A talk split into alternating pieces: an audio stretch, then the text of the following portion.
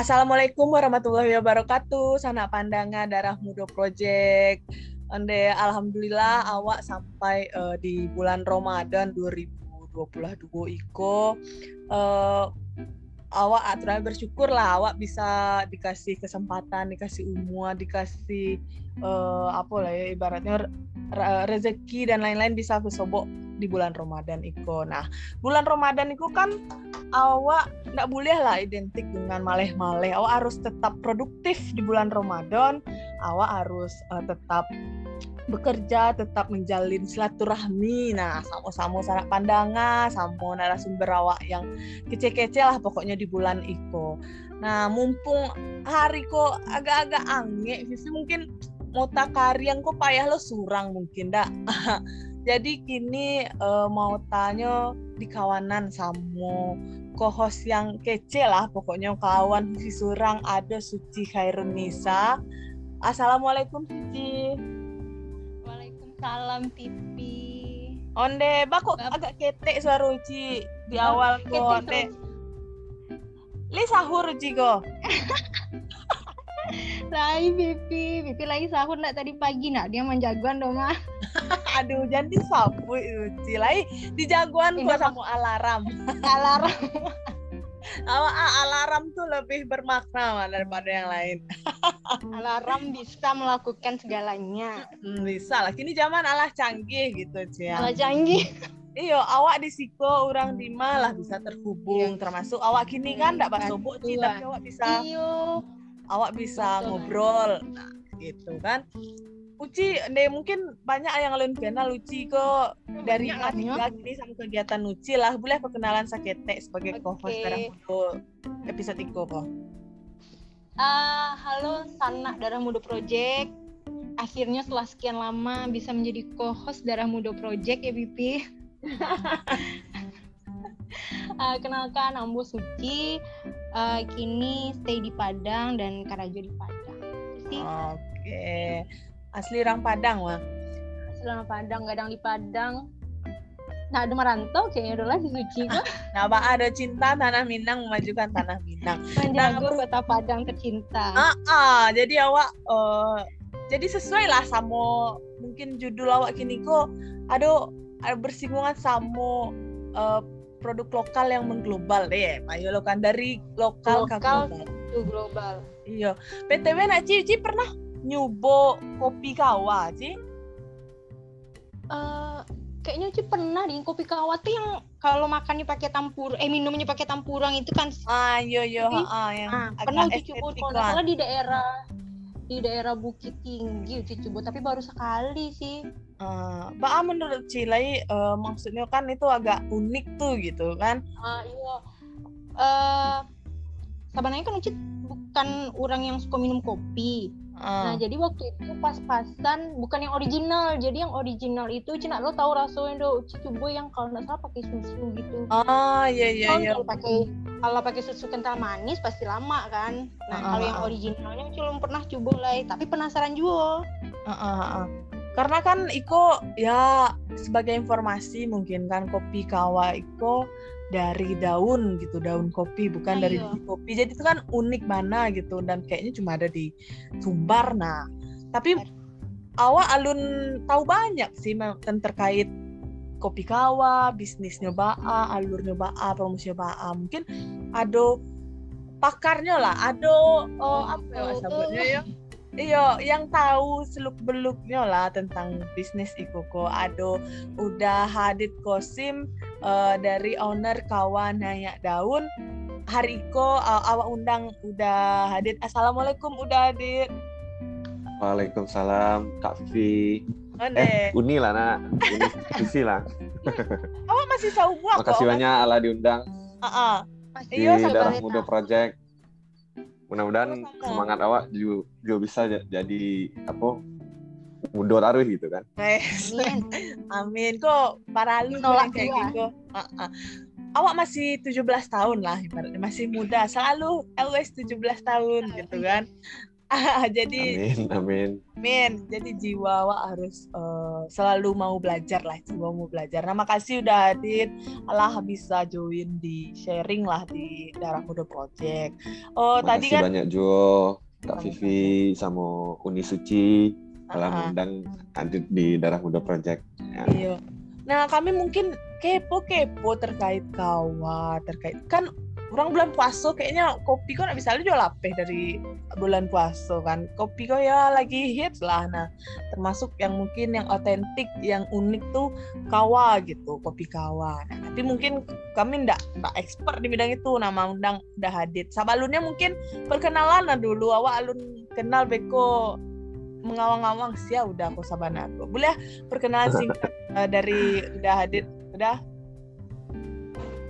Siap siap. Eh, perkenalkan nama uh, Wak uh, Muhammad Hadid Kosim biasanya orang panggil Hadid. Uh, Alhamdulillah di tahun 2020 uh, uh, menjadi pemuda pelopor Kabupaten 50 Kota. Dan alhamdulillah juga dipercaya sebagai pemuda pelopor di Sumbar dan dominasi ke nasional. Nah sebenarnya sakete perkenalan sih, uh, sakete biografi. Awak lah ya di Kota Padang tanggal 5 April tahun 1997 ya. Alhamdulillah beberapa hari yang lalu uh, Allah mainjak umur 25 tahun. Baru ulang Iya, tahun baru anak ulang mudanya. tahun. Happy birthday udah. Iya. Iya. Kalau kecil anak muda di 25 tahun kok uh, generasi milenial biasanya ngecian kalau di tahap quarter life crisis. Jadi uh, awak lulusan arsitektur Undri tahun 2020 ah. Alhamdulillah kini sedang fokus merintis usaha. Uh, yo coba mengenalkan produk lokal Minang yaitu kawan naik daun brandnya. Nah, setelah itu fokus juga merintis usaha studio desain. Uh, ya, uh, membuka jasa usaha sih di bidang desain bangunan uh, dalam tak perencanaan dan pengerjaan sambil-sambilan uh, buat bisnis uh, kawa daun. Nah, kira-kira itu sih perkenalan singkat dari awak. Ada yang ingin ditanyakan lain? Jadi eh, berarti gini base-nya di Padang apa di Pekanbaru kan di Undri atau di mana gini base-nya eh, udah hadir? Kebetulan kini kalau tiga pindah-pindah sih kak, cuman Oh, oh. eh, pok- cuman kini kok di Payakumbuh sampai Oh, orang masih lagi di rumah orang gawe. Oh di Payakumbuh ya. Zero tuh mah. Kalau awak mau tahu tentang kawa, kopi kawa, nah boleh nggak sharing? Bayo ibaratnya awak harus perkenalan nah dulu kopi kawa kok apa gitu kan bahas sejarah awalnya. Kalau dari secara filosofisnya keberadaan kopi kawa bagi masyarakat Sumbar kok bahas sih sabananya dulu sampai eh udah kok bisa kenal dan fokus gitu berkecimpung ke kopi kawa. Aku boleh nak cari tos teh udah ada terkait yang itu. Hmm, kalau dari kawa daun sendiri itu adalah salah satu minuman uh, pada masa penjajahan, uh, minuman kolonial namanya dulu. Jadi sebelum Indonesia merdeka, kawa daun kok menjadi salah satu minuman pengganti uh, kopi. Itu karena uh, biji kopi yang dihasilkan oleh tanaman kopi itu diambil oleh uh, para penjajah yang uh, pada akhirnya masyarakat Minangkabau mensiasati minuman itu menjadi uh, daun uh, diolah dari daunnya. Nah, seperti itu sih. Kalau uh, Mbak Kak, Jadi bisa dikecean karena awak nggak bisa minum kopi otentik gitu, makanya dicari solusinya dengan awak minum kopi dari Bukan. daun kopi gitu. Udah Dit? Nah, biasanya bukan otentik sih maksudnya eh, awak nggak bisa mencubuan kopi kalau minuman kopi itu kan memang, dari bijinya gitu jadi eh, karena masyarakat Indonesia tuh khususnya di Minangkabau ya nggak bisa me- mencoba ras, rasa kopi itu seperti apa akhirnya disiasati minuman kok jadi mi- minuman kawa daun yang diolah dari daun kopi nah di situ sisi otentiknya gitu. Oh. Berarti Iko khusus yang dulu minum, bukan khusus ya, apa ya namanya? Iko minuman pribumi dulu ya, bukan uh, apakah Iko Belanda juga kayak ikut jual minum gitu atau khusus emang orang pribumi rakyat aja berinisiatif gitu. Oh ya, wah, bisa minum kopi tapi dari daunnya. Dan kalau boleh tahu, uh, kalau ada informasi, apakah itu ada asal khususnya? Ada misalnya dari daerah Solo kah awal mulanya atau dari daerah uh, Pekumbuah gitu? Itu apakah ada nak? Dah. Kalau dari daerah khususnya itu emang dari Sumatera Barat aja sih. Maksudnya awak uh, uh, pernah dapet informasi pengolahan daun kopi yang ada di luar Sumatera Barat. Jadi kalau dari sejarahnya juga itu uh, karena orang Minang kok cadia sih. Ah. Jadi emang penasaran juga rasa kopi itu apa ya diolah lah dari dari minum dari dari daunnya yang terbuang. Jadi uh, ternyata setelah di uh, setelah diproduksi dan uh, masyarakat dulu tuh mem meminum daun kopi kok kawa daun kok uh, mereka merasakan uh, rasa yang fresh gitu, segar badan. Akhirnya itu menjadi salah satu tradisi di Minangkabau pada saat itu. Itu sih kak. Oh, Oke, okay. mungkin uh, kalau boleh tahu, Mbak awal mula udah Adit lo bisa kenal kopi. Ibaratnya olahnya di Padang, kuliah di Pekanbaru kan, di Unri gitu. Tapi asal di Buah gitu. Mbak bisa mengenal iya kopi kawa gitu. Uh, yo kalau bukan baru emang ada kopi kawa rasanya bukan dari bukan baru gitu. Apa memang dari kete alah kenal kopi kawa. Kok mungkin dulu aco ikut uh, mungkin turun temurun atau mbak boleh nggak cari to. Jadi kan kepo gitu kan. Kuliah arsitektur tapi iya, iya. Uh, kuliah di Pekanbaru tapi bisa berkecimpung dan fokus di kawa gitu kenal kawanya dari mana gitu iya iya iya um, sebenarnya ceritanya panjang sih kak, cuman apa pendek, awas sih. Eh, nama panjang, nama aja kami siapa. Cara pandang aja tentang awal. Nggak usah pendek. Iya iya. Panjang nama aja. Iya, sebenarnya lebih kayak ke dulu tuh uh, malah kalau sekolah kan di Payakumbuh ya, uh-uh. malah ndak sempat untuk uh, mengenal budaya budaya Minang kok nggak nggak sempat karena sibuk dengan aktivitas-aktivitas di sekolah. Uh, terus pas pulang pun awak kurangnya suka olahraga. Jadi emang waktu tuh uh, bisa dikatakan tuh banyak di rumah dan di lapangan sepak bola gitu. Jadi uh, kurang lebih kalau untuk di Pekumbuah sendiri itu nggak mengenal lah budaya Minang kemudian uh, merantau ke Pekanbaru, kuliah di Sinan. Jadi banyak belajar soal-soal budaya budaya-budaya Melayu. Jadi kebetulan dosen sebagai arsiteknya punya ah, usaha juga. Nah sebenarnya lebih kayak ke terinfluencer oleh uh, beberapa orang sih, khususnya dosen Iko di Pekanbaru. Uh, beliau punya bisnis kuliner, sedangkan basicnya arsitektur. Uh, habis itu uh, mulai penasaran dengan uh, budaya lokal karena pas selesai dari uh, Minang selesai dari Pekanbaru itu pulang karena COVID dan mengarahkan skripsi itu di rumah. Jadi uh, banyak waktu luang yang rasanya tuh tabuang gitu. Jadi apa sih kira-kira yang bisa dibuat di rumah gitu selain uh, kuliah. Nah, uh, awak coba untuk mengenal budaya Minangkabau, awak coba untuk membuat satu hal yang bisa mengenalkan uh, Minangkabau Koka keluar ya pada akhirnya uh, muncullah keinginan untuk membuat uh, satu produk yang bisa dijual ke pasaran, tapi tetap basicnya tuh Minang gitu. Nah sampai eh, alhamdulillah ditunjuk sebagai pemuda pelopor waktu itu disarankan untuk ke kabupaten. Nah sebenarnya kepeloporan itu awak sebenarnya nggak tahu. Awak mempelopori apa tuh nggak tahu sebenarnya. Tapi uh, ya udah make aja apa selagi itu positif kenapa tidak? Jadi uh, kawadaun sendiri sebagai minuman tradisional Minangkabau di provinsi Sumatera Barat itu uh, terkenal dengan pepatah yaitu uh, adat basan di syarak, syarak basan di kitabullah. Nah, dari pepatah itu dapat artikan bahwasanya segala sesuatu di Minangkabau sangat erat dan berpedoman kepada kitabullah atau Al-Quran. Nah, hubungannya sendiri dengan kawadaun Nah, dari namanya gitu. Iko bahas dari hal terkecil ya.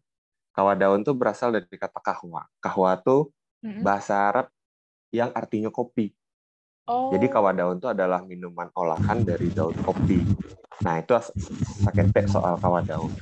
Nah, kalau uh, awak coba mangke kawadaun itu sebagai dan membuat brand itu uh, dengan nama kawane daun. Nah, filosofi dari kawan daun sendiri, awak berharap dari brand yang awak buat kok minuman kawa daun kok sebagai minuman tradisional Minang itu bisa naik daun atau naik kelas bahkan uh, mengglobal lah kak tadi produk uh, apa sih ya intinya awak pengen uh, minuman ikoko bukan hanya dikenal oleh orang Minangkabau tapi bisa dikenal di Indonesia bahkan di dunia. Betul betul. Kemudian dari uh, sisi filosofi kawannya dan sendiri itu ada dif diferensiasinya dari yang tadi, ada perbedaannya. Nah dari segi filosofinya, awak berharap uh, kawan naik daun kok bisa jadi kawan untuk naik daun. Jadi kalau misalnya uh, awak belajar dari beberapa veteran yang dalam berbisnis dalam orang yang profesional ternyata untuk jadi besar awak harus bekerja sama berkolaborasi terus memunculkan partnership. Jadi harapan awak di siko nantinya kawan daun ko bisa menjadi partner untuk yuk sama-sama berjuang untuk sama-sama naik daun berkolaborasi gitu. Jadi kawan daun itu lebih ke kawan untuk naik daun. Nah kemudian uh, mungkin banyak orang yang menanya uh, kenapa kawan daun gitu kan tadi awak ala singgung sakete sih kawa daun itu adalah salah satu minuman tradisional Minang yang sudah mulai hilang pada saat itu. Kenapa kecan sudah mulai hilang? Karena dari awal uh, awak coba buat minuman yang minuman ko dalam bentuk botolan dalam bentuk dingin gitu terus coba jual ke uh, coba kenalkan awalnya dulu ke kawan-kawan awak ternyata banyak yang uh, generasi-generasi awak kok dan termasuk kawan-kawan awak tuh banyak yang nggak tahu kawan itu apa nah dari situ uh, awak coba mulai jual juga ke pasaran, ke halayak ramai. Dan ternyata emang banyak yang nak mengetahui kawadaun itu apa. Sedangkan uh, itu adalah salah satu minuman Minang yang awak jual ke orang Minang, malah orang Minang sendiri banyak yang nggak tahu kawadaun itu apa. Nah, kawadaun uh, adalah salah satu minuman yang berkembang pada masa kolonial atau penjajahan.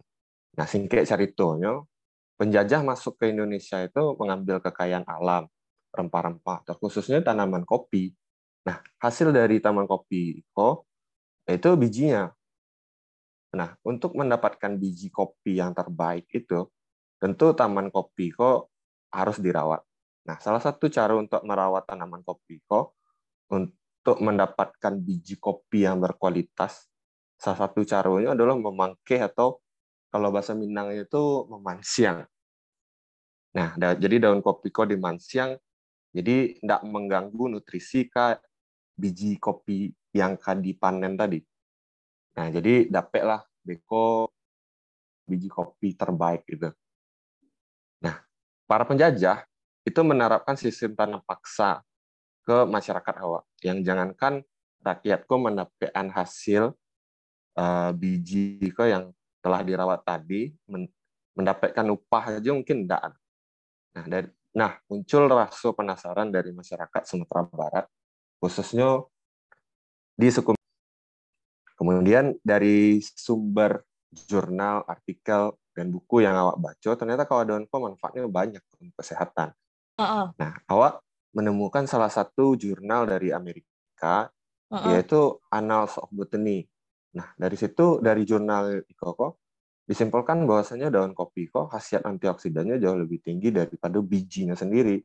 Hmm. Nah, jadi bisa dikatakan ternyata orang awak kok visioner. Jadi mungkin kalau orang Belanda yeah. itu orang para penjajah itu mengecek uh, mereka cuman minum sampahnya aja. Tapi ternyata sampahnya sendiri itu lebih sehat. Bahkan dari daun teh hijau sekalipun itu antioksidannya masih jauh lebih tinggi.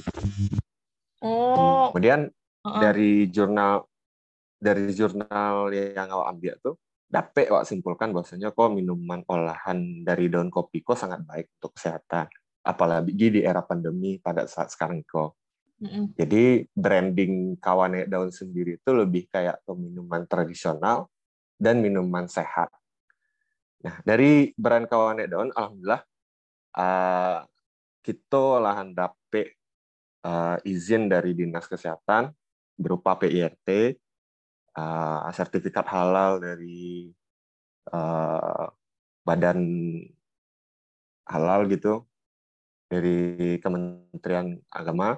Kemudian uh, awak jual lah menguji di Baristan Balai Riset Keamanan Pangan uh, produk kawan daun ko dan alhamdulillah kawan daun uh, yang alah di karyangan ko alhamdulillah lah dapet sertifikat syarat SNI dan dapat disimpulkan baik untuk kesehatan setiap hari itulah uh, satu instansi yang meneliti gitu. Nah, obrolan awak lebih kayak ke kepeloporan sih. Apa sih kepeloporan awak di Siko? Nah, uh, kalau dari kepeloporan selama pandemi COVID tahun 2009 balik 2020 masuk di Indonesia itu bulan Februari uh, awak pulang kemudian banyak eh, hal-hal uh, yang awak lihat yang membuat hati awak tuh uh, lumayan sedih gitu karena nah salah satunya itu saya awak lihat di kampung awak sendiri itu kesejahteraan petani kopi itu sangat menurun Hmm. Banyak dari petani kopi yang akhirnya beralih profesi, bahkan sampai ada yang tidak bakar jual. Hmm. Jadi dari wawancara yang ya awak petani kopi kok uh, pernah harga biji kopi kok di angka 3000 per kilonya. Hmm. Dengan masa panen cuman satu kali diibaratkan petani kopi kok cuma memanen satu ton biji kopi taruh satu ton itu itu emanglah banyak itu mereka cuma berpenghasilan 3 juta dalam setahun mm -hmm. nah donyo kawane daun kok uh, harapan awak sih awak mencoba untuk mengagia solusi dengan memberdayakan petani-petani kopi dengan membeli daunnya yang tidak termanfaatkan tadi. Karena daun kok sebenarnya di, tidak dibuang saja ya. atau ayo nggak tahu lah manfaatnya itu apa. Jadi ternyata dengan kawah daun kok daun daun kopi kok bisa dimanfaatkan. Dan awak bisa balik itu ke uh, petani kopi menambah pendapatannya lah. Dengan harga yang uh, lumayan gitu. Bahkan uh, lebih jauh uh, dari biji kopi sendiri. Jadi satu karungnya ibaratkan itu bisa satu kilo itu Bali seratus ribu per kilonya. Hadit kok ibaratnya memulai uh, usaha itu kok sebetulnya dari karena pandemi kok orang ngecek pandemi kok mangga ya gabut. Ah tibulah orang-orang kreatif tuh emang nggak bisa gitu. Nggak bisa mencari waktu lo orang-orang kreatif produktif kok. Jadi harus nih mangga leko apa keresahan-keresahan di sekitar yang awak calia bisa awak jadian uh, long usaha gitu mungkin sama lah uh, darah muda proyekku pun lahir gara-gara pandemi. Jadi uh, Samu uh, Adit dari ceritonya backgroundnya kan tadi dari di Kampuang uh, baru nampak ya. ibaratnya kawa aku mungkin lah lama kenal tapi tidak pernah diperhatikan nah pas pandemi wah itu bisa kok jadi uh, usaha. Terus selain usaha mungkin ada value yang hadir uh, apa ya pengen dapean sebenarnya dari kawako ibaratnya menolong uh, perekonomian kampung lah ibaratnya petani-petani kopi. Jadi bukan cuma nyari profit, tapi lebih ada value yang pengen dibawa, termasuk memperkenalkan uh, kawa ke uh, nasional atau bahkan ke internasional gitu. Kalau Vivi Surang kenal kawaku pun sebenarnya di Jakarta dan waktu di Jakarta di sama kayak Adit di daerah Wak Surang waktu awak di Kampung Surang alun tahu malah tapi ketika awak keluar awak jadi lebih perhatian lah sama budaya lokal awak, produk lokal awak. Nah sampai kini baru tahu iya. terkait uh, kawa daun gitu lah. Itulah mungkin jalannya, enggak? Setelah Kalau jauh baru nampak. Nah. Iya. iya betul. Iya jadi awak merasa kayak kalau misalnya awak merantau gitu kan ada rumah makan padang gitu jadi kayak uh, chemistry-nya itulah eh di kamari lah gitu. Padahal waktu Iya, siapa tahu pengen penasaran mulai dari siapa yang punya, dari ma, eh, asalnya dari ma, lebih kayak gitu.